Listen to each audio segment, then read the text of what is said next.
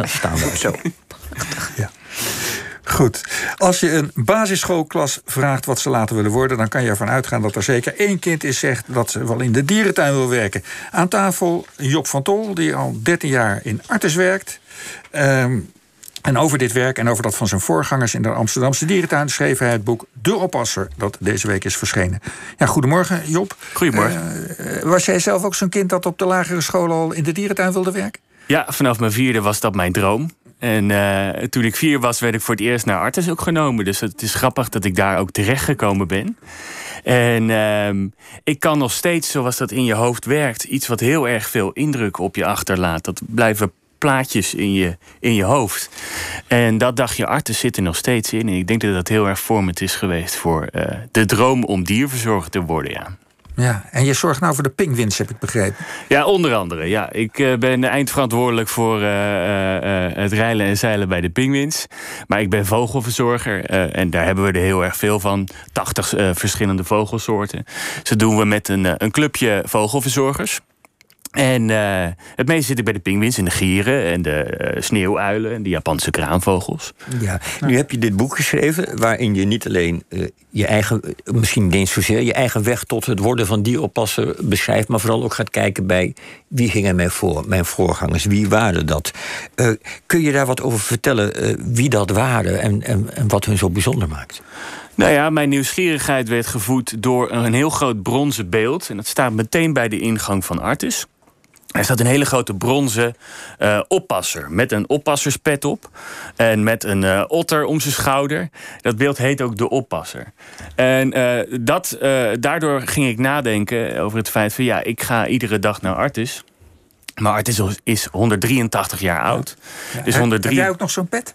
Nee, nee, die petten die zijn volledig uit. Het is natuurlijk een tijd van, van, van, van Jan met de pet. Hè. Ja. Toen moesten de, de, de oppassers echt nog onderscheiden worden van de, van de leden van Artes. Die hoeden droegen. Um, maar ja, ik werd natuurlijk wel nieuwsgierig. Want als je dieren gaat houden, dan heb je ook dierverzorgers nodig. En wie was nou die oppasser van 183 jaar geleden? Of van 100 jaar geleden? Nou, vertel. Ja. Nou ja, dan ga je naar het stadsarchief. Het mooie is dat Artis ook het grootste uh, dierentuinarchief van de hele wereld heeft. En daar kan je ongelooflijk leuk in neuzen. En uh, ze hebben ook een hele mooie beeldbank. En daar tikte ik gewoon heel simpelweg oppasser en artis in. En ik wilde voor de zomeravonden, in, uh, dat is op zaterdagavond in de zomer, een verhaal vertellen aan de hand van een historisch voorwerp. En ik had uitgekozen de vraag: wie was nou mijn collega van 100 jaar geleden? En die kwam ik meteen tegen. En dat was een prachtige man. Zo mooi dat ik de mooiste foto heb uitgekozen voor het omslag van het boek. En uh, dat is uh, een, een, ja, eigenlijk een soort ja, slapstick-achtige, Buster Keaton-achtige oppasser. Mm -hmm. Met een grote snor, een brilkriem in zijn haar. En op zijn schouders uh, altijd een aap. Ja. dus, dus dat waren orang-oetans en gibbons en brulapen en chimpansees. En daarmee poseerde hij alsof het zijn eigen kinderen waren. Die man die heette Wilhelmus Hendrikus Houtman. En uh, die heeft naar goed gebruik in Artes ook 50 jaar lang de apen verzorgd. Ja, en die, die aap die op de voorkant van het boek op zijn schouder zit, dat is ook een bijzondere aap, hè? Heel bijzonder. Ja, ja. ik kwam er dus vanzelf achter. Ik moet niet alleen oppassers uh, weer hun verhaal gaan vertellen, maar er zijn ook heel veel dieren die een prachtig verhaal met zich meedragen. Dat ook iets heel goed iets vertelt over uh, de geschiedenis van dierentuinen, maar ook de geschiedenis waarop wij naar dieren kijken. En de aap op het omslag van het boek is Mafuka. En Mafuka was dus in uh, zijn tijd, meer dan 100 jaar geleden, uh, uh, wereldberoemd in Amsterdam. Mensen kwamen speciaal naar Artis om Mafuka te bekijken. En Mafuka was ook voor oppasser Houtman belangrijk en bijzonder, want er was geen enkele aap met wie die zo'n hechte band had als met Mafuka. Als je dan het apenhuis in zou lopen, en dan hebben we het over 1914, mm -hmm. en die zou de keuken open doen, dan kwam je Houtman daar tegen, die voer stond klaar te maken. Maar naast hem stond Mafuka. Die zat dus niet in het dierenverblijf, maar die hielp de oppasser ja. met het zwabberen van de vloer. En met het uh, klaarmaken van het eten. Uh, brood met boter en suiker kregen de apen morgens. En smiddags kregen ze rijst met banaantjes. Ja, hij kreeg er ook een kopje thee bij, geloof ik. Hè, die ja, een lekkere kroes thee stond er in de, in de, in de archieven. Ja. En als dat allemaal klaar was, dan voor hetzelfde geld, dan kreeg Houtman natuurlijk ook honger. En dan stuurde die Mafuka naar buiten. En uh, Mafuka liep dan zelfstandig met een schaaltje naar naar het hek van Artus waar mevrouw Houtman stond. En die deed dan door de tralies, had ze een broodpakketje klaargemaakt. En dat deed ze op dat schaaltje. En Mafuka liep met dat schaaltje richting de apenkeuken. Ja, om die oppasser, je kan het je voorstellen, zo'n Mafuka, dat is natuurlijk ook een sociale primaat, net zoals wij zijn. Die hecht zich heel erg op die oppasser. Eigenlijk ook bij gebrek aan soortgenoten natuurlijk. Ja, maar het, is, het, het was geen, uiteindelijk geen goede behandeling voor het beest. Hè, want hij is heel vroeg door dood gegaan, begreep ik. Zeker, eh, de gemiddelde... De boterhammen met suiker waren niet goed voor hem. Nee, onze oudste chimpansees... Uh, onze oudste chimpansee op dit moment in Artis is 50 jaar oud. En de gemiddelde leeftijd toen van mensapen in het apenhuis was 5 tot 7. Waar ik wel even bij wil zeggen... is dat Mafuka chimpansee werd genoemd... maar dat dus niet bleek te zijn.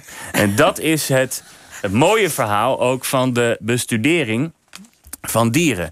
Artis heeft altijd een wetenschappelijke insteek gehad om meer van die dieren die voor het eerst in Amsterdam te zien waren, uh, uh, te weten te komen. Chimpansees kenden ze al heel erg lang en die waren ook al lang in de collectie. Maar Mafuka bleek in alles anders te zijn. Chimpansees, dat zijn eigenlijk een beetje macho's, stoer. Als die ouder worden, worden ze ook gevaarlijk. En Mafuka was empathisch en zachtaardig, maar ook in mate veel kleiner. Dus de benen, armen, gewicht was kleiner. En er was één iemand opgevallen. Ja, ga door. En dat was ook uh, uh, dus weer zo'n personage die er echt in moest zijn. Dat was AFJ Portilje.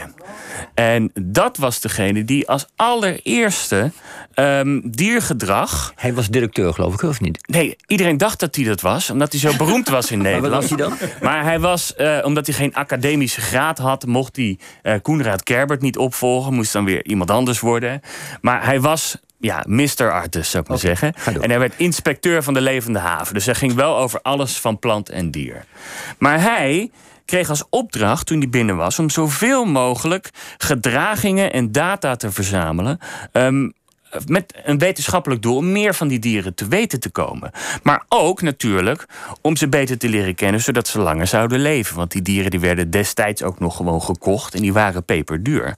En Portilje ging door zijn data heen en die dacht: hé, hey, niks klopt met de data die ik van alle andere chimpansees heeft. En in 1916 vermoedde die dus al dat dit geen chimpansee zou kunnen zijn, maar wellicht een andere soort. En het zou nog elf jaar duren voordat in de Congolese bossen de bonobo ontdekt zou worden. Onze, uh, ja, wij, wij, wij, wij zijn 98% verwant met chimpansees, maar ook met bonobo's. Frans de Waal heeft er mooie boeken over geschreven. Mm -hmm. En uh, Mafuka is dus de allereerst beschreven bonobo ter wereld. Ja, dat is een primeur, zeg, toch? Goed, uh, nou, ja, ja, ja. nee, kom maar. Ja, nee, nee, ik wou zeggen, nou, dit verhaal en heel veel mooie andere verhalen staan dus in uh, jouw boek. De Oppasser, dat is de, deze week verschenen bij uitgeverij De Geus. Ik wil jij heel hartelijk danken voor je komst. Graag gedaan.